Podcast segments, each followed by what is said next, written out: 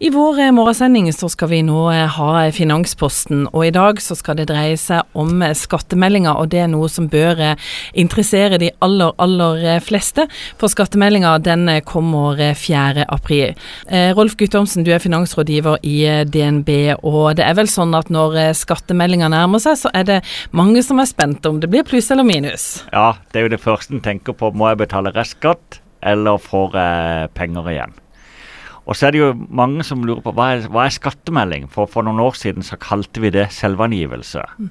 Men, men, det er det samme.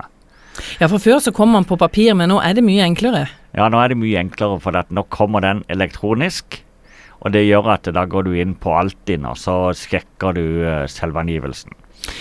Men er det eh. sånn at vi er flinke til å sjekke, eller tenker vi bare at alt er riktig? Nei, en tenker egentlig at alt er riktig. For det er klart, tilbake igjen når vi hadde det på papir, så var det viktig å sjekke mot de oppgavene vi hadde fått fra arbeidsgiver, fra bank, fra forsikringsselskap.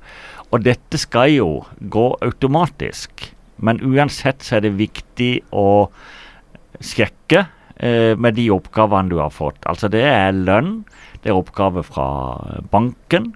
Det kan jo være at du har uh, gitt gaver til en, ideell organisasjon som da, der du kan få fradrag, så for at du har fått alle disse oppgavene.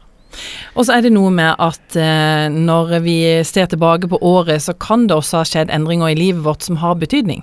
Ja, det kan det ha, og som også kan ha økonomisk betydning. Så det, det, vi tenker gjennom og sier OK, har du gifta deg? Har du kjøpt deg bolig? Har du blitt pensjonist?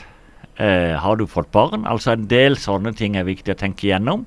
Eh, og, og, når dette skjedde i fjor, så er det ikke sikkert at du har fått de fradragene som du har krav på. Og, og da har skatteetaten lagd en ideell sånn veileder som går på det de kaller det fradragsveilederen, og som gir en del tips eh, i forhold til en familiesituasjon, i forhold til hvis du har skaffa deg bolig, i forhold til hvis du reiser i jobb den er ganske god uh, veileder for å se på og hooke uh, hva har jeg krav på av fradrag.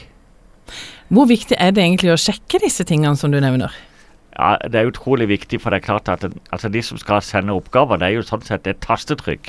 Selv om veldig mye er digitalisert og, og at det er roboter som gjør det, så vil jeg allikevel da anbefale å sjekke er det riktig det som står på min skattemelding i forhold til de oppgavene jeg har fått. Og Hvis ikke det er det, ja så må en da rette på det.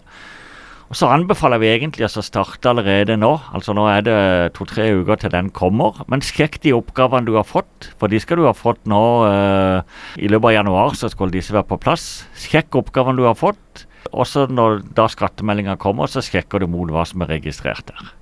Og når du nevner at vi skal sjekke de oppgavene som er kommet, så kjenner jeg litt på den dårlige samvittigheten at man, man, får de, men så legger man de kanskje bort. Ja, det er korrekt. Så nå er egentlig tida for, uh, inne for å ta de fram og samle sammen, sånn at uh, når skattemeldinga kommer den 4. april, så har du alle oppgavene klare, så kan du gå inn og sjekke.